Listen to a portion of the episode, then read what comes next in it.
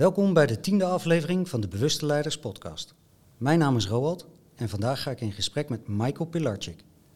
Nadat Michael uit de mediawereld was gestapt, gooide hij het roer om en maakte een lange zeiltocht.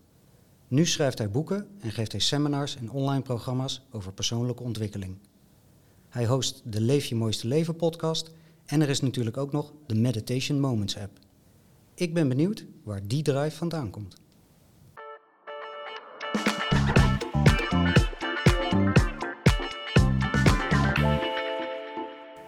Vind je dit een mooi gesprek? Like en of abonneer je dan op een van de Bewuste Leiderskanalen en deel dit gesprek met vrienden en bekenden. Zo vergroten we samen het bereik. Michael, welkom. Dankjewel. Fijn dat je tijd wilde vrijmaken voor de Bewuste Leiders podcast in jouw drukke schema. Mm want je bent momenteel op theatertournee in Ja, Nederland, ja. met rust in je hoofd. En ik heb jou een aantal weken geleden benaderd met de vraag of je in de Bewuste Leiders podcast wilde komen. En ik vroeg je of je het met me wilde hebben over leiderschap, Mhm. of het gebrek daaraan. Je zei meteen ja. En nou ben ik benieuwd, wat maakt dat? Want ik hoorde deze week in je show dat je eigenlijk tegen alle verzoeken standaard nee zegt. Dat is juist. Ik zeg altijd nee. En dan, dan doe ik geen beloftes die ik daarna niet kan waarmaken. Eh, en ik betrap me erop de enkele keer dat ik ja zeg. eh, uit een soort van enthousiasme of een di- directe respons. Oh nee, dat is goed, dat doe ik wel. Mhm. Dat er altijd iets ontstaat of gebeurt waardoor ik het moet verschuiven of moet annuleren. Dus daarom zeg ik ook altijd nee. Omdat ik weet gewoon dat ik heel weinig tijd heb. Ehm, dat klinkt soms een beetje van, oh je, bent altijd druk. En mensen sturen me dan ook berichtjes van, je bent altijd druk. Nee, ik heb veel te doen. En buiten dat ik veel te doen heb, wil ik ook tijd voor mezelf. En als ik tijd voor mezelf heb, ben ik dus niet bereikbaar. Want als ik op alles ja zeg, heb ik geen tijd meer voor mezelf. Dus het is een hele bewuste keuze dat ik heel veel dingen niet doe. En nu ik in Nederland ben, moet ik je wel eerlijk toegeven. eh, elke podcast die, die vroeg direct, wil je langskomen? En op een aantal heb ik direct ja gezegd, omdat ik dat leuk vond of dat voelde goed.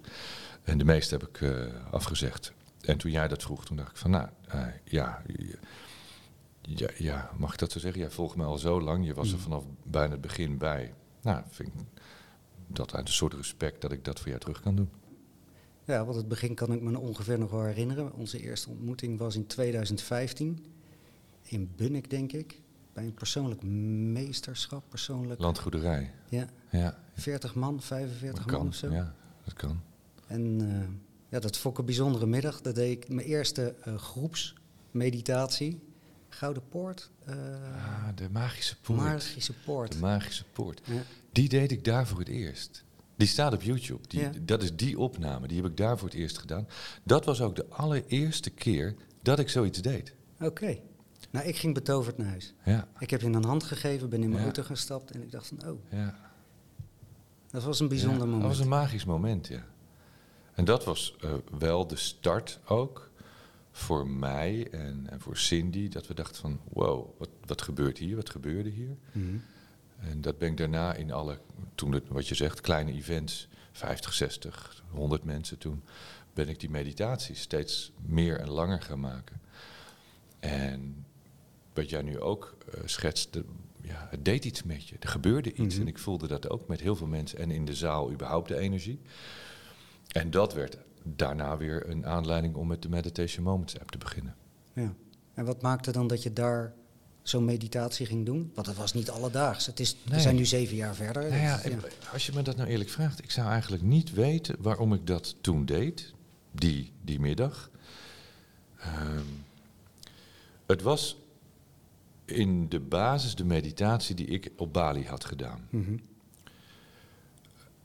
Ja, je, je, je gaat een toren in, in mijn, althans in mijn visie, ik ging die toren in, er is een deur, je doet die deur open. Het is eigenlijk, je, alles is- staat voor symboliek in zo'n meditatie natuurlijk. Dus je, je gaat naar een andere staat van bewustzijn. Elke deur, elke poort, elke, elke raam. Je, je hebt hele, hele vele manieren om zo'n meditatie te doen. Maar je gaat door een aantal levels van bewustzijn heen op- in een vrij korte tijd. Mhm. En daardoor kom je ergens op een plek. Ja, die moet je zelf ervaren. Dat je denkt van, wow, waar ben ik nu? En dat is, eh, dat is soms voor sommige mensen, zeker de eerste keer, een magische ervaring. Mhm. Ik deed dat in die tijd voor mezelf best wel veel. Dat ik dacht van, wow, dit is, dit is fijn. Hè? Dat, die, die connectie maken Mhm. met datgene waarvan wij weten wat het is, maar je, je kan het moeilijk uitleggen. Het ongeziene. Ja, eh, wat je net ook zegt, de, de, de, de oneindige intelligentie, eh, God, het universum, hoe je het ook wil noemen, de energie, het, het, het collectieve bewustzijn. En ik weet eigenlijk niet waarom ik dat ben gaan doen, maar er was blijkbaar een aanleiding. En ik merkte dat het dus werkte met mensen in grotere groepen. Mhm. Ja, dat was wel bijzonder. Ja. Ja. Ja, want eh, ik had wel eens een meditatie gedaan thuis met Suzanne. Of, eh, Mhm. Dus dat was mij niet vreemd. En ook met YouTube Mhm. en gewoon transreizen, dat soort dingen. Alleen niet in zo'n groep. En dan voel je toch zo'n collectief veld. Ja. Zoals van de week in, de, in, de, in het Circus Theater. Ja. Ik was bij jou Ja. daarin. 1800 man bijna. Ja, ja, zo volgens mij zoiets. Ja. En het was muisstil. Die is hele bizar, energie Je zakte. voelde die energie zakken. Ja, ik weet natuurlijk wat er gaat gebeuren. Het is, Mhm. het is overal hetzelfde. Ja, er is altijd onrust daarvoor, want ik doe allerlei gekkigheid en eh, een beetje grapjes. En dan ineens in die meditatie voel je de rust ontstaan. Mhm. Ja, blijft bijzonder. ja. Blijft bijzonder. ja, magisch mooi. En respect Ja. hoe je dat eigenlijk in Ja. zo'n korte tijd Ja, ehm, toch een beetje mainstream hebt gemaakt. toegankelijk.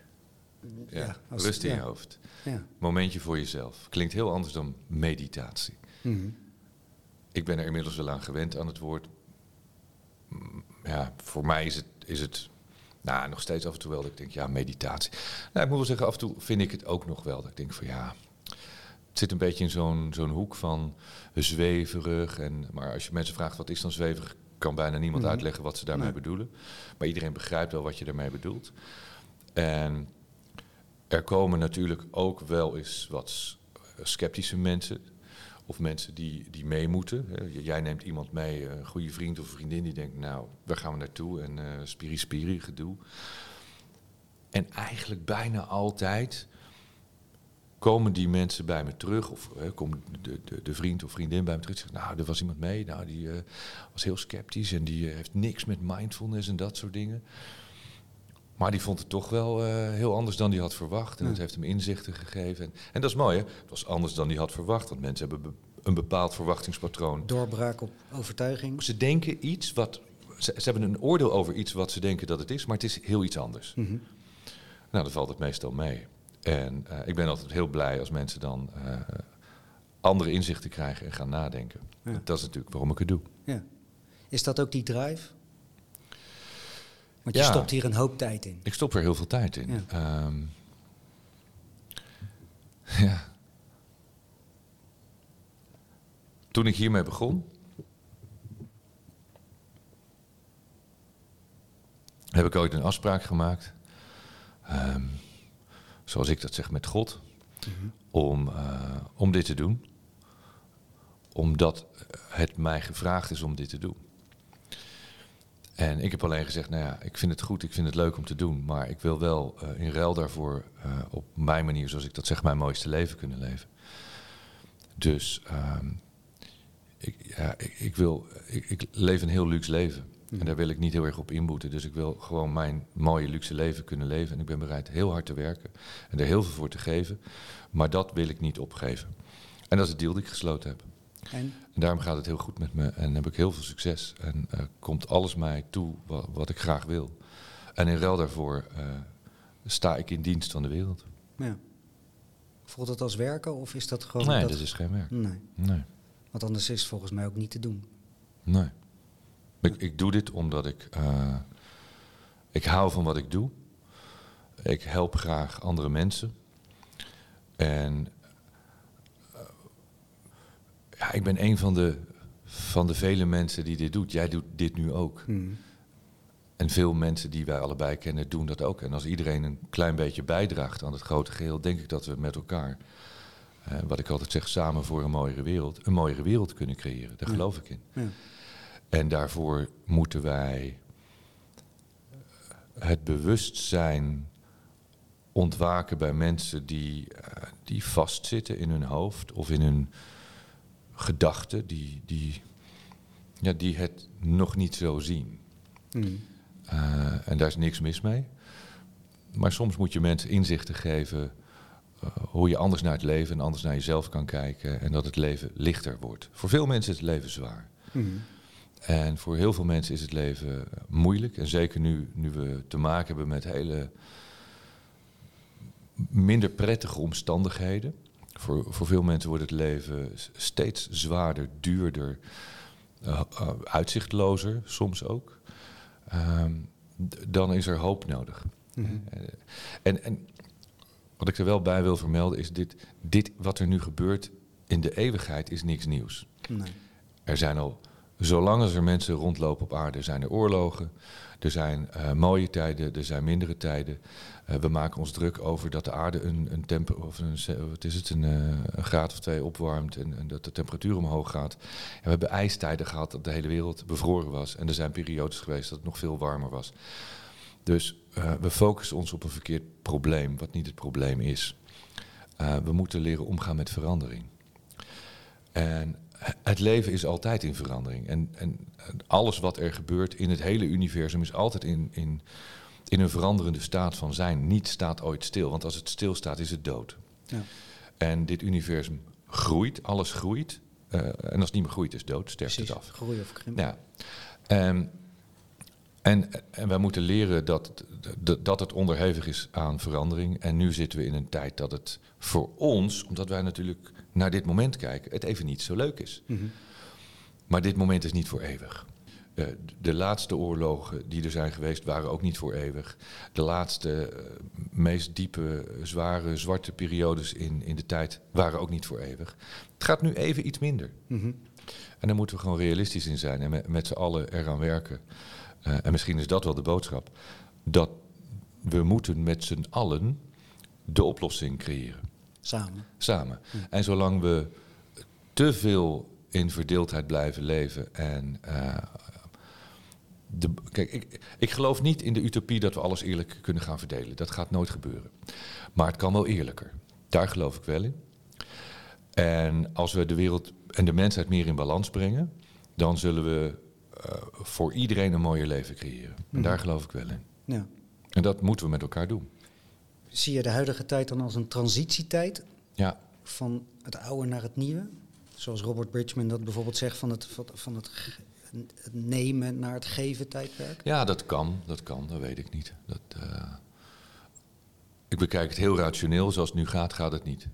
Nee. En zo kan, zo kan het niet door. nee. Systemen zijn op. Dit kan het niet. Eh, wat, wat, we- wat we gecreëerd hebben, of wij, maar wat er gecreëerd is, dat kan niet.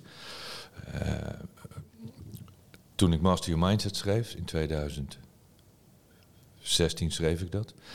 Toen schreef ik, eh, er staat één hoofdstuk in, eh, mijn boodschap voor de wereld. Mhm. Ik zeg van kijk, deze wereld heeft meer dan ooit wijsheid en liefde nodig. En de, de systemen die er zijn, economisch, financieel, eh, de schoolsystemen, educatie, de religie, politieke systemen, alles, alles staat op omvallen. Mhm. En dat zag ik, maar dat was mijn persoonlijke visie, dat zag ik eigenlijk al aankomen vanaf begin eh, van deze eeuw. En, en je ziet dat, dat wat er gecreëerd is door de tijd heen, staat op omvallen. En alles is met elkaar verbonden. Dus als er iets valt, valt, valt het volgende ook. Ja. En dat is ook eh, wat je een, een reset zou kunnen noemen. Het, het- er moet iets gereset worden. Mhm. Ehm, het, het, het is te ver om het nog te herstructureren. Ja, je kan het herstructureren, maar als je het zou vergelijken met, met een gebouw of een huis, eh, dan moet je het slopen en opnieuw beginnen. Dus het moet eerst stuk, eigenlijk. Het moet stuk. Dus eigenlijk de... Nou ja, stuk. We, we, het moet, ja. ik denk dat. Kijk, je kan er een bom op gooien. En eh, nou ja, vaak vanuit oorlog ontstaat weer welvaart. Eh, vaak is er een oorlog nodig om dit soort situaties te doorbreken. Mhm. Ik denk ook dat er geen andere mogelijkheid is dan dat er echt extreme conflicten gaan ontstaan. Maar die, die gaan ontstaan omdat je dat ziet gebeuren. Mhm. Maar ik zal, ik zal het volgende voorbeeld geven. Ik heb, ik heb een oud huis. En eh, hier in Nederland. En ik was hier eh, met de aannemer van de week. En die zei, ja, eigenlijk... Er moet een nieuw dak op, de muren moeten geïsoleerd worden. Dat, dat huis, weet je, ik heb het 30 jaar geleden helemaal verbouwd. Hij zegt, eigenlijk moet je het opnieuw doen. En in alle eerlijkheid, kun je het beter plat gooien en opnieuw beginnen. Goed geïsoleerd volgens de huidige maatstaven, duurzaam. Waardoor het veel goedkoper wordt om, om die herconstructie te maken dan dat je dit bestaande huis mm. Met de emotie en het gevoel wat erin zit, want dat, dat haal je dan ook weg. En wij willen graag vasthouden aan datgene wat we hebben. Want ja, dit is het huis waar ik mijn hele leven gewoond heb en uh, waar mijn oma nog geweest is. En al die herinneringen die zitten erin en daar wil ik aan vasthouden. Dus ik wil dat huis niet plat gooien. Gehechtheid. Dat is gehechtheid. Uh, als voorbeeld, want inmiddels ben ik nergens meer aan gehecht. Um, buiten het feit dat er praktische problemen komen, dat de gemeente zegt: nee, maar je mag dat niet plat gooien en je moet, hè, je moet dit restaureren. Terwijl zo'n aannemer zegt: nee, je moet, het beste is om het plat te gooien, begin opnieuw. Mijn beste vriend heeft een compleet nieuw huis gebouwd. Voor uh, een derde wat mijn verbouwing gaat kosten. Totaal duurzaam, met zonnepanelen, warmtepomp en alles. Uh, energie-neutraal, betaalt helemaal niks aan energie. Sneller klaar. Veel sneller. Om aan te geven dat met een huis is dat vrij eenvoudig. Mm -hmm.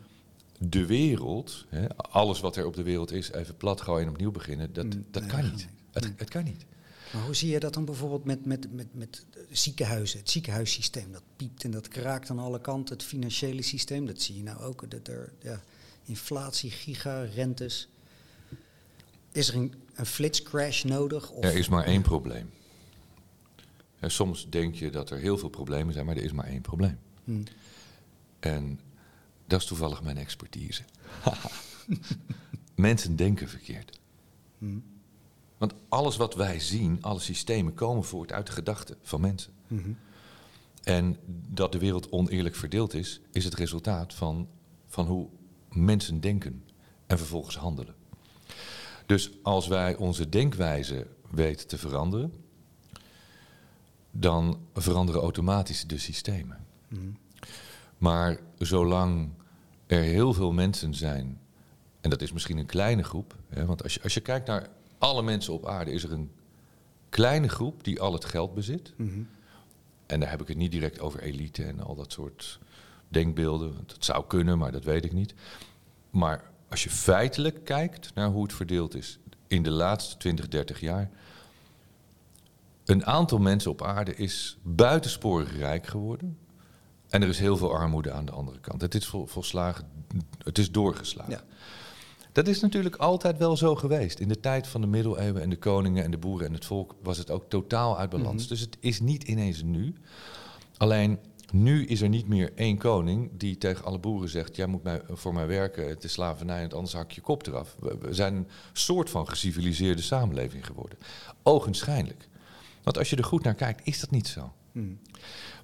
En, en zeker sinds begin jaren negentig, en dat is nu de terugslag die wij voelen, is het systeem volledig gebaseerd op hebzucht. het, het systeem waar Waar de wereld op gebaseerd is, is, is één kaartenhuis. Uh, geld bestaat niet, geld is schuld in onze wereld. Maar als mensen denken dat geld bestaat, dan, dan begrijp je niet wat geld is. Hmm. Geld bestaat alleen bij de gratie dat er schuld is. In, in de wereld die wij gecreëerd hebben. En geld bestaat alleen als je er vertrouwen in hebt. Als ik jou een briefje van 50 euro geef en jij vertrouwt erop dat dat 50 euro waard is, dan denk je, nou, dat is prima deal. Ja. Nou is de euro natuurlijk wel bekend, maar als ik, weet ik veel, bij een Eskimo op de, weet ik veel, op de Zuidpool of de Noordpool, waar die, waar die grabbers leven, als ik daar met 50 euro aankom, dan zal die grabber denken van, ja, wat moet ik hiermee? Mm Ja, heeft geen waarde. voor mij heeft, het is waardeloos, dat is een mooi woord. Het, Voor mij is het waardeloos. Mhm. Dus wat voor jou waarde is, omdat jij gelooft in die 50 euro, is voor iemand anders waardeloos. Die kan daar niks mee. Nee. Dus geld... Uh, bestaat alleen bij de gratie van ons vertrouwen dat we erin hebben. En dat heeft bijna iedereen verloren. En de economie zoals we die eh, gebaseerd hebben op het kapitalisme, wat in, in zekere zin uh, niet verkeerd is, is doorgeslagen in hebzucht. Mm En dat is altijd moeilijk, want wanneer is het, is het genoeg? Ja. Nou, ik durf te zeggen, ik heb genoeg. Mm Ja, jij zal zeggen, ja, maar jij hebt ook heel veel. Ik zeg, ja, ik heb ook heel veel, maar dat, dat is voor mij genoeg. Ik hoef niet nog meer, begrijp je? Dus ehm, voor mij is het leven dat ik nu leef, ik, ik ben daar helemaal content mee, ik ben blij. Ik, ja, ik ben financieel onafhankelijk. Mhm. Dus Vrijheid. dat is vrijheid. Ja. Dat is vrijheid. Ja. En, en wat ik heb, nemen ze me niet zo makkelijk af. Eh, maar ik hoef niet meer. Ik hoef niet nog tientallen miljoenen te verdienen. Dat, dat hoef ik niet. En, en heel veel geld en heel veel eh, wat wij hebben, niet alleen geld, tijd, aandacht, geef ik graag weg aan andere mensen die het harder nodig hebben dan ik. Mhm. Als je kijkt naar de grote boze buitenwereld, zie je dat, ehm, dat wij eh, heel veel belasting betalen. Wat prima is, is als dat nuttig en zinvol wordt besteed. Ik denk dat niemand daar enig probleem eh, mee heeft. Nee. Maar als grote bedrijven, grote corporates, als die torenhoge winsten maken. Als verzekeraars torenhoge winsten maken en tegen jou durven te zeggen: ja, door de kosten moet jij 10 euro per maand meer betalen, dan begrijp ik het niet meer. Mhm. En, en dat is natuurlijk met, met heel veel van dat soort dingen. Eh, jouw bankpasje wordt 80 cent duurder, maar de bank maakt al 1 of 2 of 4 miljard winst. Wanneer is het voldoende? Ja. En daarin zijn we denk ik in het systeem doorgeslagen dat alles moet maar meer en meer en meer. Eh, en, en daardoor is de balans zoek. ja. En jij zei net de nieuwe wereld. Ja, Wat, dus, voor, dus wat voor balans is er dan in die nieuwe ik wereld? denk dat het. eh, ik denk dat je, dat je naar een situatie moet dat, dat iedereen het goed heeft. En sommige mensen mogen echt veel meer hebben dan anderen. Daar heb ik ook geen enkel probleem mee. Maar iemand hoeft niet 80 of 100 miljard te hebben. Hij mag het van mij hebben. Ik- Ja. Ik, vind het geen probleem. Maar ehm, we, ik denk dat we eh, iets moeten verzinnen met elkaar om, om de verdeling iets Evenredig. evenrediger te maken. En eh, dat hebben we ook verzonnen. Dat, dat, dat systeem bestaat al Mhm. sinds, eh, ik geloof, 1917 of 1913. Eh, dat heet belasting. Eh, belasting bestaat natuurlijk al uit de middeleeuwen, maar dat echt het belastingstelsel is gecreëerd, dat is feitelijk de verdeling. Mhm. En, en dat geeft dus aan dat het systeem Ja. heeft, is gecreëerd om het oneerlijk te verdelen. Want Ja, al- het nivelleren van de, van de inkomensverschillen. Nou ja, als al die hele grote bedrijven, de echte grote bedrijven, de grote corporates, de beursgenoteerde bedrijven. En ik weet, het, het klinkt voor heel veel mensen eh, onrealistisch en onaardig. En eh, wat heb ik er nou voor verstand van? Nou, ik ben geen econoom en ik heb er misschien niet heel veel verstand van. Maar als die grote bedrijven die nu nihil of heel weinig belasting betalen Mhm. over hun winsten. Als die meer belasting zouden betalen, dan heb je in ieder geval meer belastinggeld tot je beschikking om dat te besteden aan zinvolle zaken. Ja. En kun je andere mensen die het niet kunnen betalen wat ontlasten. Er is natuurlijk een reden dat die bedrijven weinig belasting betalen, want daardoor eh, zorgen ze voor werkgelegenheid en houden ze de economie op gang. Maar ik denk toch dat het ergens wel een beetje scheef is gegroeid. En dat dus overheden en, en belastingstelsels, die ook totaal achterhaald zijn, echt volledig achterhaald. Hè, De belasting eh, loopt echt een eeuw achter. Ik wil zo uitleggen waarom. Ehm, dan kun je naar een even- evenrediger stelsel. En dat zal niet eenvoudig zijn, maar ja, je moet dingen herstructureren. Mhm. En die mensen die daar eh, werken, daarvan a- aannames, zeg ik altijd, moet je nou doen, dat is gevaarlijk. Maar daarvan moet je toch wel verwachten dat die mensen weten wat ze doen. Dat, Mm. dat ze intelligent genoeg zijn om dat te kunnen. Maar als je daar mensen neerzet die. Ik wil niemand beschuldigen, maar als daar toch enigszins met voorbedachte raden niet helemaal juist gehandeld wordt, Mhm. houd je dit systeem in stand. Ja. En als overheden openheid van zaken moeten geven. Er zijn heel veel eh, Documenten. WOP-documenten van de laatste jaren. En ik vind het schrijnend. Ik vind het. Ik, vind het nou, ik heb er eigenlijk geen woorden voor, maar als een ministerie. In dit geval volksgezondheid. Ten eerste 5 miljard zoek maakt wat ze niet hoeven te verantwoorden. Mhm. Het bonnetje is nog steeds niet boven water. Dat moet jij eens proberen. Ehm, en vervolgens wordt een ministerie ter verantwoording geroepen. En die zeggen gewoon, zelfs nadat de rechter zegt van je moet openheid van zaken geven, dat doen wij niet. Oh, we betalen gewoon de boete. En waar wordt die boete van betaald? Van jou en mijn belastinggeld. Ja. Ben je goed bij je hoofd? Ja. Dat is bizar, toch? En, en dan durf ik te zeggen, hallo, eh, wat is er met Nederland aan de hand? Mhm. Moet het volk niet nu gewoon Opstaan. opstaan, het aftreden eisen van, van deze mensen Mhm. die, ja, die, dit zijn boeven. Deze mensen stelen jouw geld, Mhm. Ja.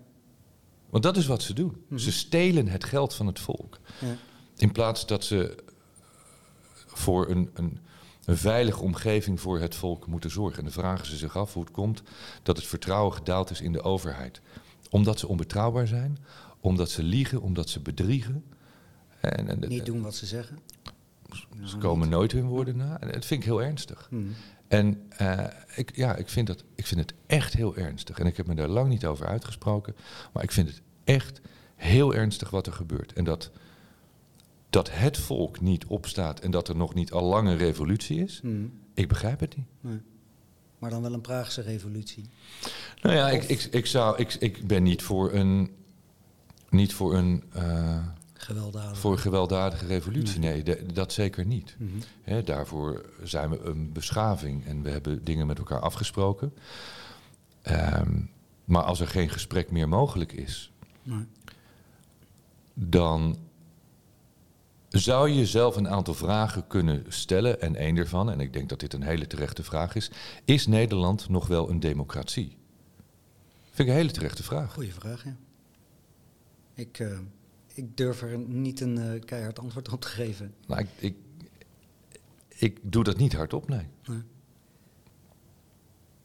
Vroeger, maar ik, ik heb vroeger niet meegemaakt, maar vroeger werden stammen en mensen geleid door de dorpsoudste of de wijste. De wijze man of de vrouw, dat was degene die de stam of het dorp leiding gaf. Mhm.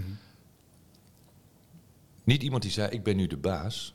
Nee, iemand die vanuit wijsheid advies gaf, de medicijnman, voor het welzijn van, van de gemeenschap. Ik zou niet één iemand kunnen aanwijzen in onze overheid, in het hele systeem, die beschikt over die wijsheid en dat leiderschap. Niemand. En de enige die ik, maar dat is natuurlijk heel persoonlijk, eh, wel verstandige en hele rationele dingen zie roepen, is Lilian Marijnissen. En soms Geert Wilders. Maar ook dat is niet de oplossing voor het geheel. Mhm. Ehm, want daar zie ik ook niet het leiderschap waarvan ik vind dat een leider daarover moet beschikken. Ehm, en daar ging het over, Ja. leiderschap. Ja. Dus het is gebrek aan leiderschap, gebrek aan visie, gebrek aan moed. En ondanks dat sommige mensen binnen die eh, overheid en het hele stelsel eh, echt wel goede bedoelingen hebben, want dat zie je, ik zie dat echt een aantal mensen goede bedoelingen heeft. Maar je kan natuurlijk van kilometers afstand ook zien dat heel veel mensen daar met hele andere intenties zitten. Mhm. Of misschien hebben ze de intentie dat ze het goed bedoelen. Alleen Komt er niet zo het komt er uit. niet zo uit, nee. En, en, en, en, en dan zie je heel veel conflicten ontstaan. Ja. Dat is direct een mooi bruggetje naar leiderschap. Want vooral wat in mijn appje aan jou stuurde ik vooral het gebrek aan leiderschap. Omdat ik het eigenlijk niet zie, ook niet bij de mensen zelf.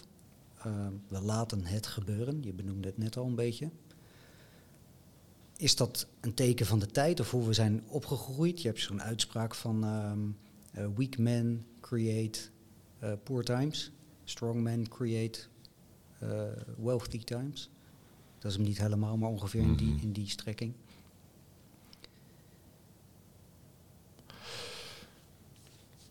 Als je afgaat op cijfers die voortkomen uit de samenleving, en dan bedoel ik mensen die eigenlijk het leven niet meer aankunnen zoals het is. Stress, overspannenheid, burn-out, slaapproblemen. Heel veel jongeren die bij mij aankloppen eh, met, uh, met tal van problemen.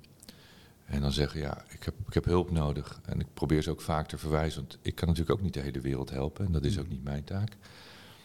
En zeker als het heel ernstig is, dat ik zeg van, joh, jij moet echt naar psychiatrische hulp. Of je hebt echt dat soort hulp nodig.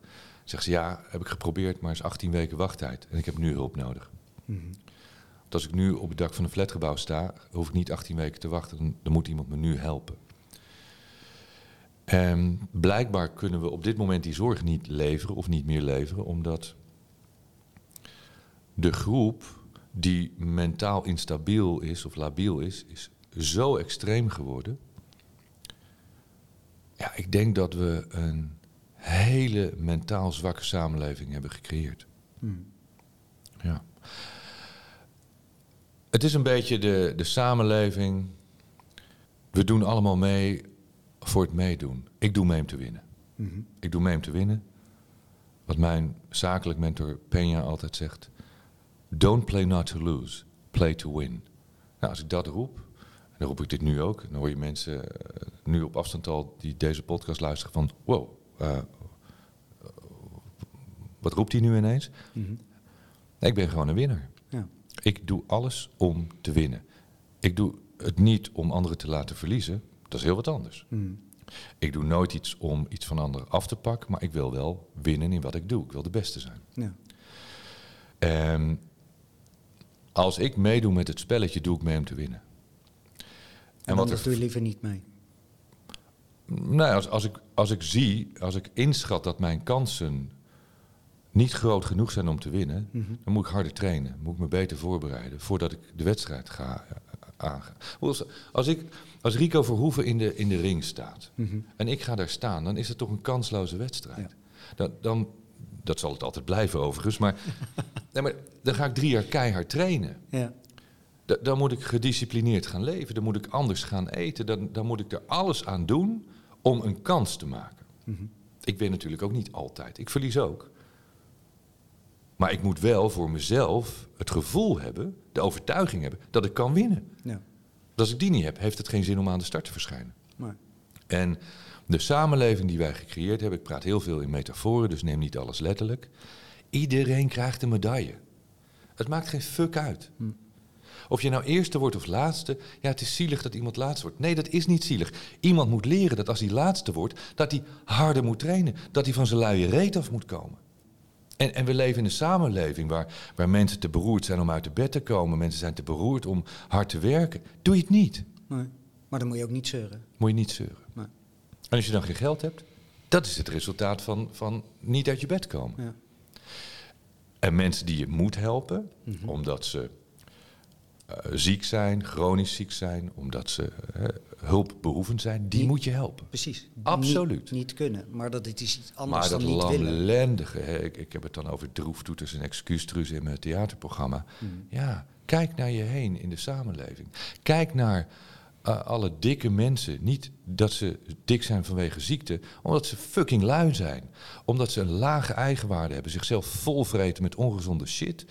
We leven in een maatschappij waar waar 10 miljoen mensen ziek zijn. Omdat ze ongezond eten al jarenlang. Daar kunnen we niet altijd wat aan doen. Want onze generatie heeft ook jarenlang uit de pakjes van de supermarkt en alles gegeten. Dan wist ik ook niet dat het ongezond was.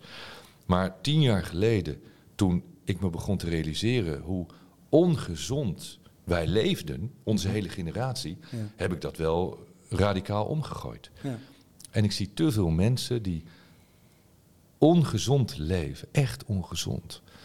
En daarmee direct een bedreiging zijn voor, voor de zorg. Want de zorg kan het niet aan. Maar dat komt omdat heel veel mensen eigenlijk geen eigen verantwoordelijkheid nemen. En, en dus meer hulp nodig hebben, meer zorg nodig hebben. Mhm. Maar je kan heel veel zelf al doen om te voorkomen dat je ziek wordt. Mhm. En daarmee zeg ik niet dat je nooit ziek kan worden. Maar als je gezonder gaat leven, eh, dan heb je ook veel minder land, last van angst en onzekerheid. Want je bent gewoon krachtiger. Een goede leider is krachtig. Die leeft uit innerlijke kracht, die gelooft in zichzelf. Die, die leeft uit vertrouwen. Ja, dat, dat zijn vaak mensen. Hè, dat wordt tegen mij ook wel eens uh, verteld van. Uh, ja, maar je hebt wel een hele grote mond. Of eh, je vindt jezelf wel fantastisch. Of je bent heel arrogant. Ik zeg, nee, je hebt gewoon, jij hebt een heel erg gebrek aan eigenwaarde. Ja, want jij spiegelt iets in hun waarvan zij dan getriggerd worden. Let maar eens op, als iemand meent een narcistische relatie te hebben, Mhm. heeft die persoon zelf lage eigenwaarde, laag energieniveau, weinig zelfvertrouwen. Ja. Altijd. Mhm. Altijd. Je laat over je heen lopen. Je kent geen eigen grenzen. Je durft niet voor jezelf op te komen. En dus vind je dat de ander een arrogante eh, narcist is. Ja. Nee, dat is iemand met leiderschapskwaliteiten. Wat niet altijd aangename, prettige, vriendelijke persoonlijkheden hoeft te zijn. Maar die mensen hebben geen last van een burn-out. Is dat waarom jij, eh, jij noemt dat in jouw programma's persoonlijk meesterschap? Ja. Daar, daar besteed jij echt aandacht aan. Ja. En daar heb ik ook absoluut ja. eh, reuze stappen mee gemaakt. Dat wa- daar zitten echt eye-openers in. voor mij, hebben daar voor Ja. mij ingezeten dat ik dacht, holy moly. Dat is echt... en dat veranderde mijn perspectief. En daardoor ging ik anders in de, in de ring staan. Om het Mhm. even bij Rico Verhoeven te houden. En dat, toen ging het spelletje voor mij veranderen. Ja. Eh, wat, is, wat, is dat, wat is persoonlijk meester? Wat kunnen mensen doen in hun persoonlijk meesterschap, in hun bewust leiderschap? Je moet de beste versie van jezelf worden.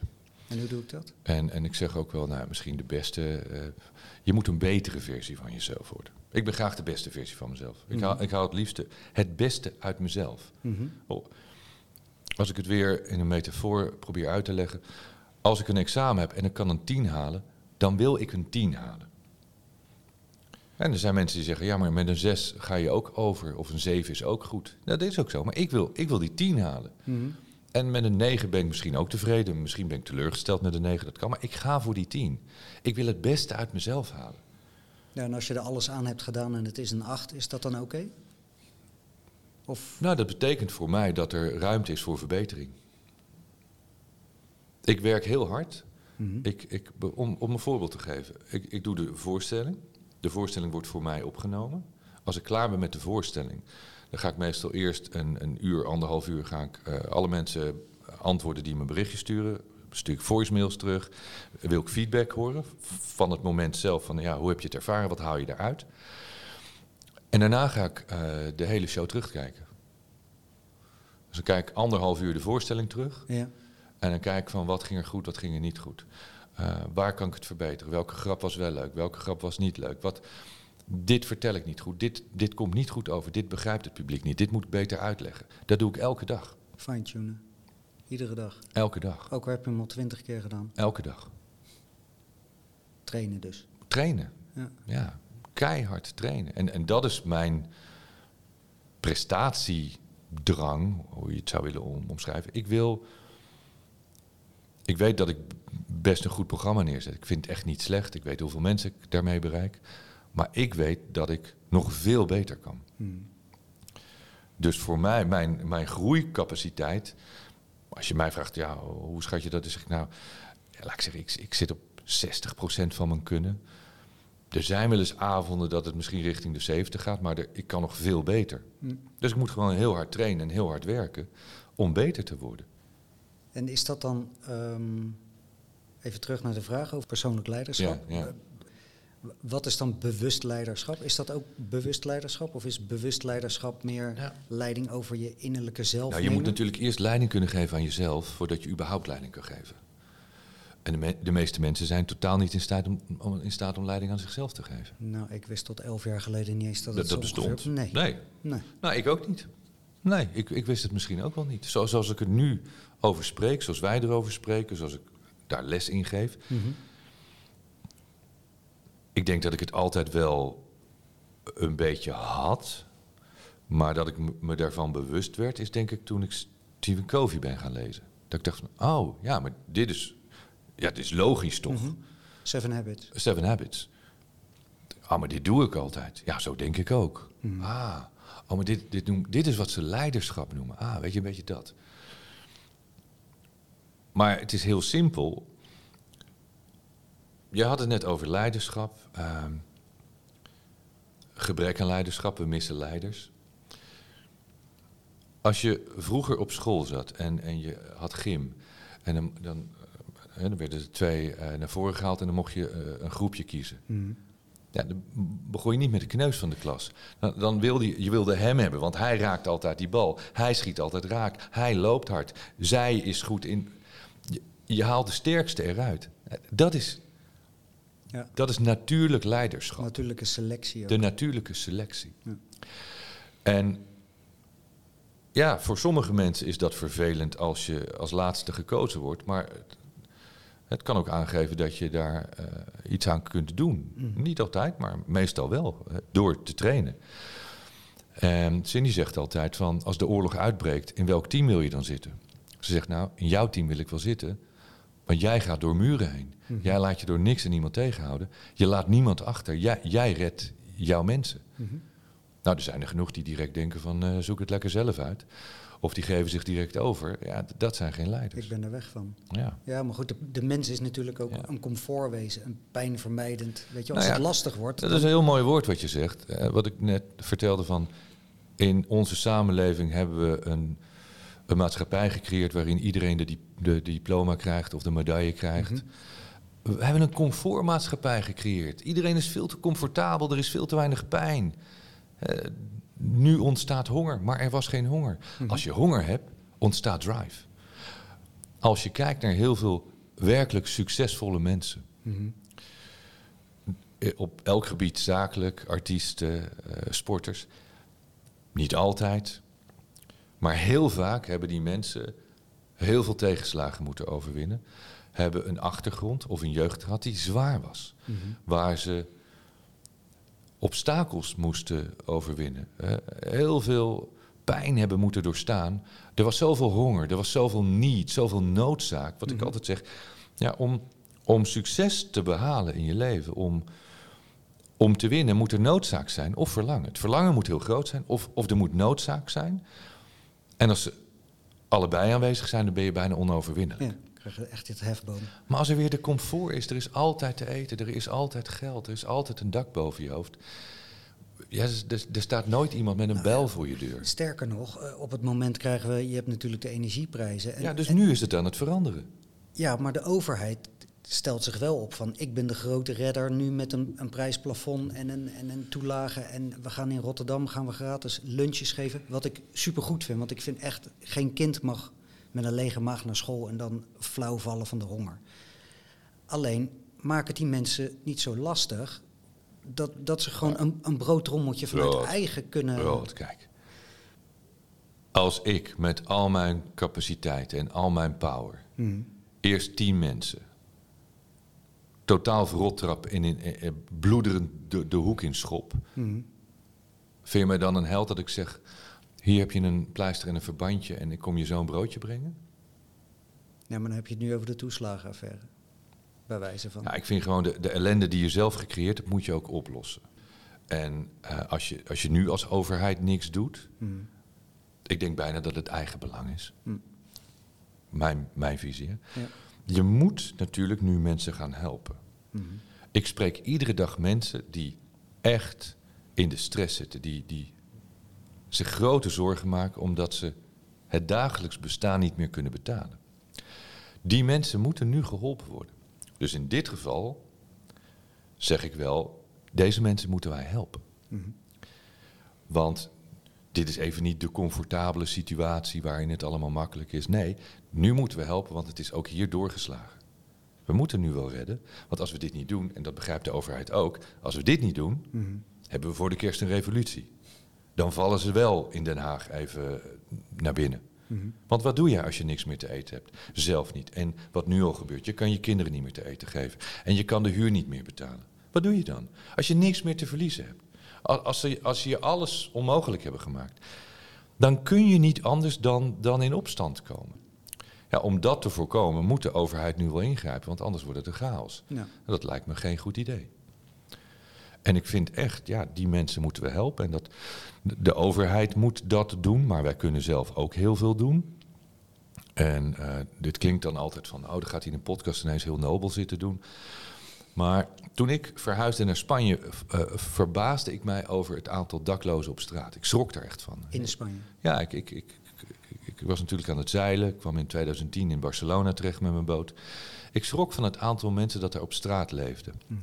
En ook ehm, invalide mensen. Eén arm, eh, geen armen, één been. Geen, dat ik dacht, holy fuck. Mhm. En ja, ik heb voldoende geld, dus ik, ik heb altijd geld bij me om dat soort mensen eh, geld te geven.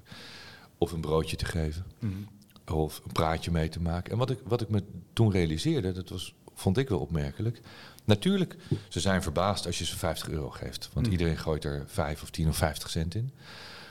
En ze zijn nog veel verbaasd als je een praatje met ze gaat maken. Want hoe tof het ook is dat we mensen die hulpbehoevend zijn geld geven, Mhm. ze zijn eenzaam en ze zijn mentaal eenzaam en ze worden eigenlijk niet als volwaardig aangezien. Ze worden niet gewaardeerd, niet erkend. Als je met die mensen gaat praten, beginnen ze soms in, tranen uit te barsten omdat ze zoiets hebben van holy fuck, ik word als mens nu gewoon behandeld. Nou, dat was voor mij echt, ik dacht van holy fuck, wat, wat is eigenlijk in de wereld gebeurd? En sindsdien, en dat is een, kleine bijdrage die ik kan leveren. Want ik zeg altijd, wat kan jij, wat, wat kunnen wij doen als mensen? Natuurlijk kunnen we zeggen overheid, maar je kan ook zelf wat doen. Al die mensen waarvan ik zie dat ze het moeilijk hebben, probeer ik op die manier een beetje te helpen. En, en dan kun je ook zeggen, ja, maar nou, nou praat je zelf tegen, want nou ga je comfort creëren. Mhm. Ja, maar ik denk dat de noodzaak zo hoog is voor deze mensen, Ja. dat, eh, dat je nu wel moet ingrijpen. Ja. En eh, dat doe ik graag. En ik denk dat we dat allemaal kunnen doen. En ik denk dat we allemaal voldoende kleren hebben. Dus als je ziet dat mensen nu in nood komen, Nu Ge- handelen. geef dan wat van je kleding weg aan Ja. mensen die het echt nodig hebben.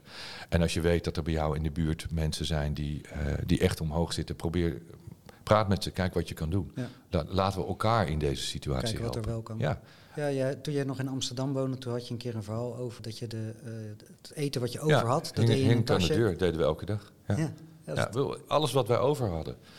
En we woonden toen op de Brouwersgracht en daar liepen heel vaak van die, van die gabbers met, met zo'n eh, karretje rond. Ik dacht van, wow, dat doe je niet voor je plezier. Mhm. En toen hingen we het eten aan de deur. En dat, ja, dat werd altijd meegenomen, logisch. Ja, ja, te gek.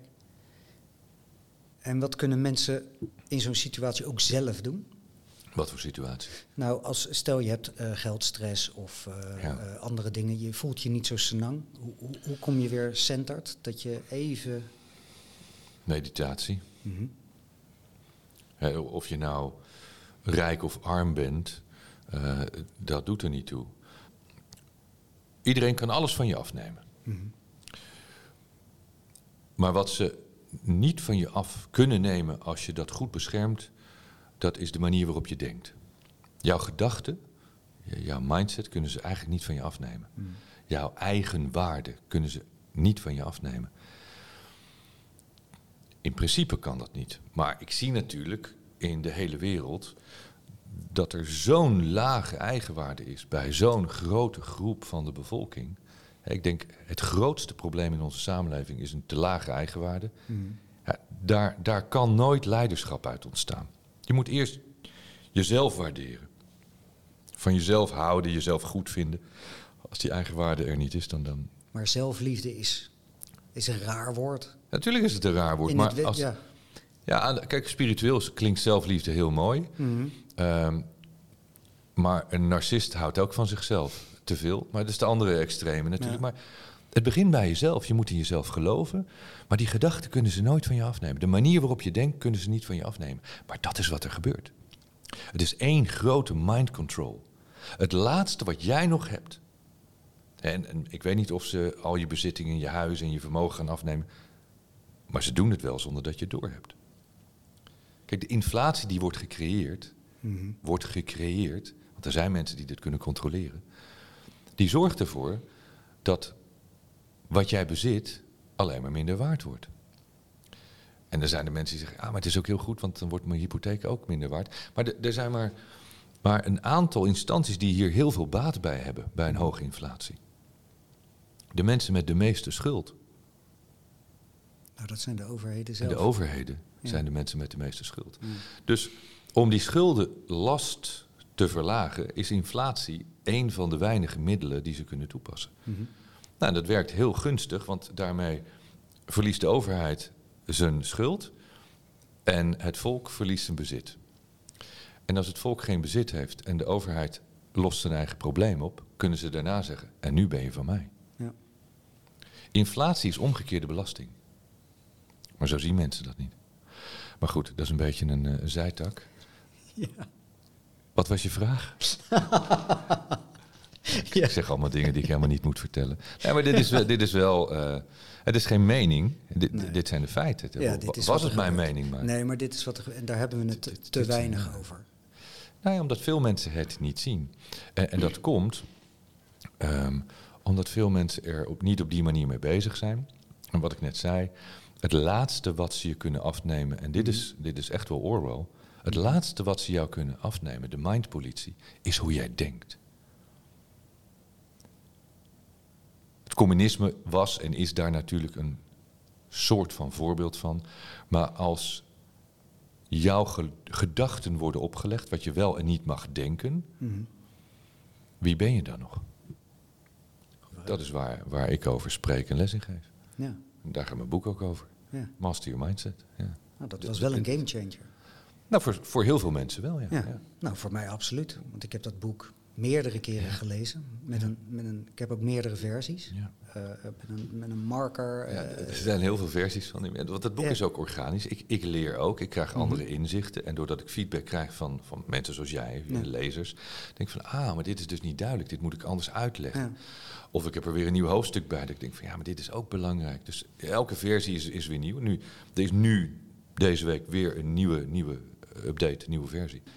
Uh, met een wat meer actuele versie naar wat er de afgelopen twee jaar weer is gebeurd. Oké, ja, en daarmee groeit dat boek gewoon mee. Ja, het boek gaat mee met de tijd. Ja, ja. mooi.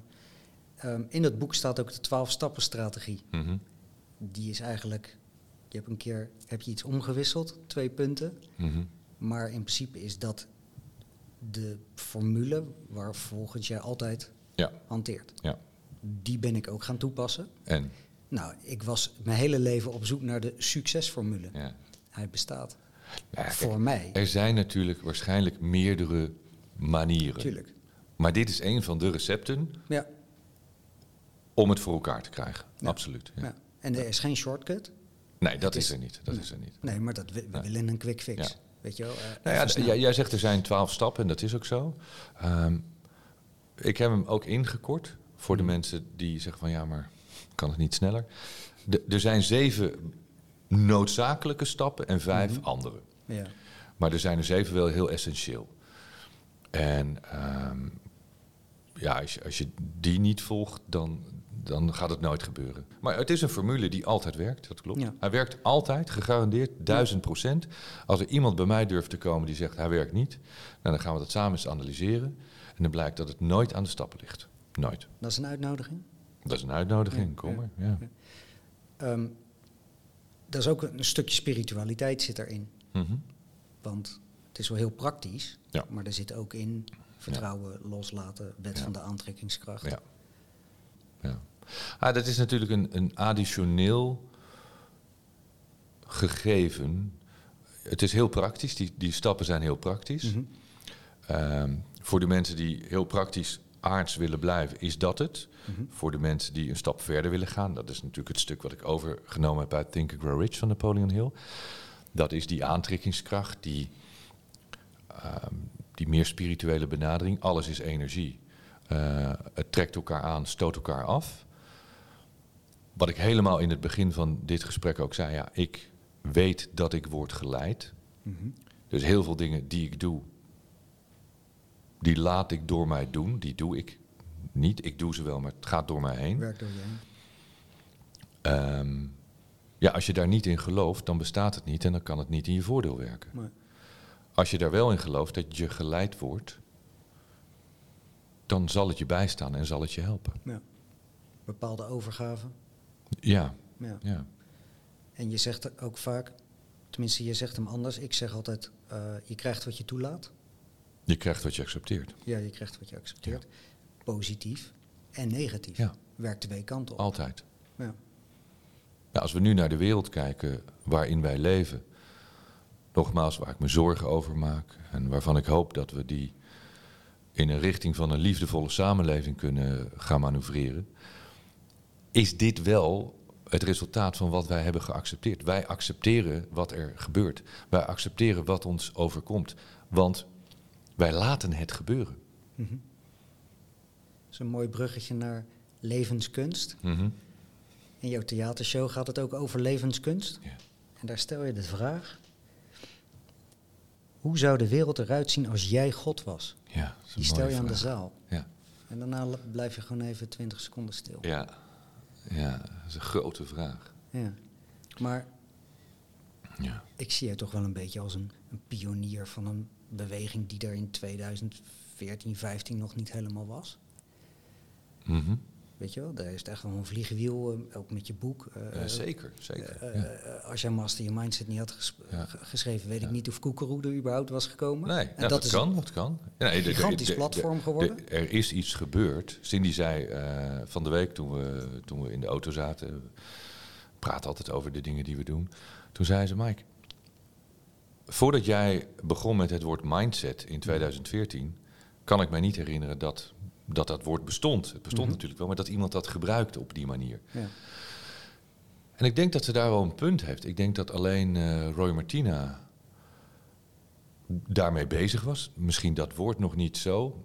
Maar, eh, maar Roy was voor mij wel een voorbeeld. Mhm. Het alle, allereerste boek dat ik las over, over wat ik doe, Ja. was, was het boek van Roy. Oké.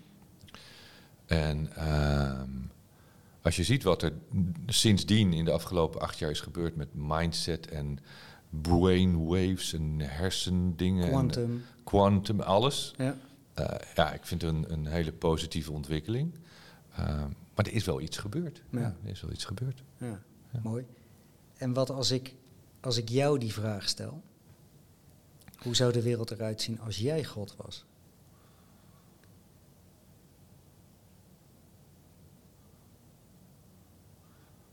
Ben ik weer 20 seconden stil. Ja. nou, ik denk dat ik die wedstrijd wel aan zou durven. Wat zou je dan creëren? Kan je een plaatje schetsen? Nou, ik denk wat ik nu doe. Kijk, het is natuurlijk niet zo dat ik op een troon ga zitten en dan zeg: Oké, ik ben nu God.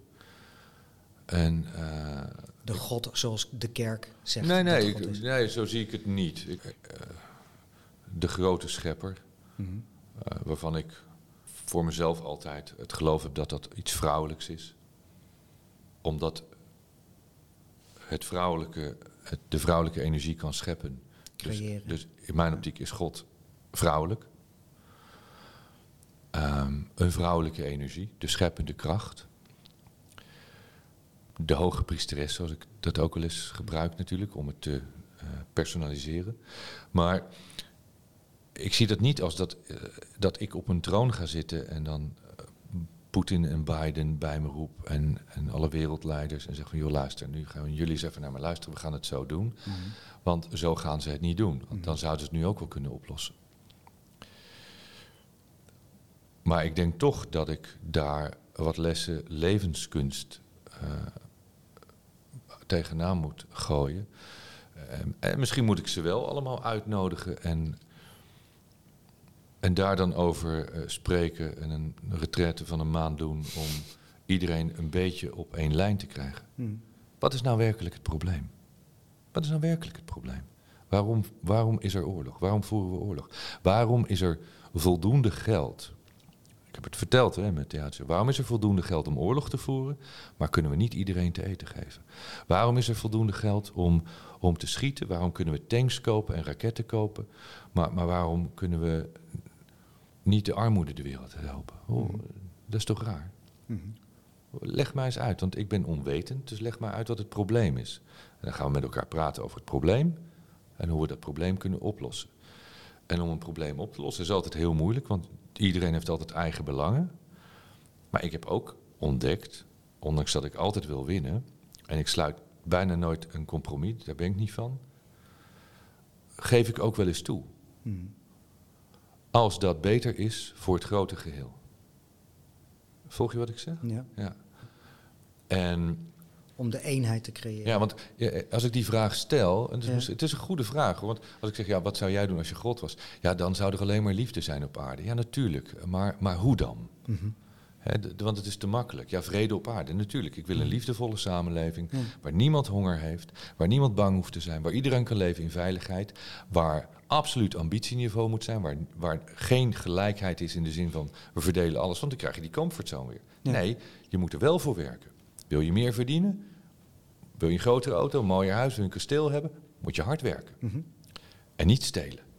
Dus ja, ik, ik zou denk ik daar wel eh, alles proberen te doen om te zorgen dat de negatieve krachten zoveel mogelijk zouden verdwijnen uit de samenleving. Dus we doen elkaar geen pijn, Mhm. we stelen niet van elkaar, we zijn niet oneerlijk, maar we gaan niet alles eerlijk verdelen. We, we zorgen voor iedereen, maar daarna is het wel aan jou wat je, wat je verder van je leven maakt. Ja, anders dan, dan kunnen we er ook mee stoppen natuurlijk. Op Twitter noemde jij de partij van de liefdevolle verdraagzaamheid. Ja, vond ik En wel mooi. Ja, dat woord verdraagzaamheid, dat resoneerde bij mij. Ja, er is weinig verdraagzaamheid in deze wereld. Mhm. Omdat, en dan gaan we toch weer terug naar die gedachte, we hebben allemaal een visie op de werkelijkheid. Ik heb mijn visie op de waarheid, jij hebt jouw visie op de waarheid. We hebben allemaal onze eigen visie op de werkelijkheid. En dat creëert de conflicten en, en de problemen in de wereld. Daarom is het ook geen, geen makkelijk vraagstuk. Ehm, heel veel mensen hebben natuurlijk een, een mening en een oordeel over wat ik zeg. En er zijn mensen die zeggen, ja, dat roep je allemaal wel, maar dat meen je toch niet. Of ja, je roept dat alleen maar om, om omdat je, je luistert gekleurd. Mhm. Je, je, het is heel moeilijk om, Ontvankelijk te om luisteren. ontvankelijk te luisteren. Is heel moeilijk. Mhm. En, ehm, en veel mensen creëren opzettelijk verdeeldheid. En helaas doen media en journalistiek daar ook aan mee. Niet iedereen, niet iedereen, dat hoor je mij niet zeggen. Maar sommige mensen wel. Er was vorige week een journalist van de Elsevier bij de theatershow, want die wilde graag een artikel schrijven over mijn gedachtegoed. Nou, en jij kent mijn gedachtegoed. Ik heb er boeken over geschreven. Ik, ik doe er al acht jaar events over. Af en toe ben ik bot, recht door zee. Roep ik best wel dingen die confronterend kunnen zijn. Maar als je mij wegzet als een egocentrische, eh, narcistische zelfhulpgoeroe...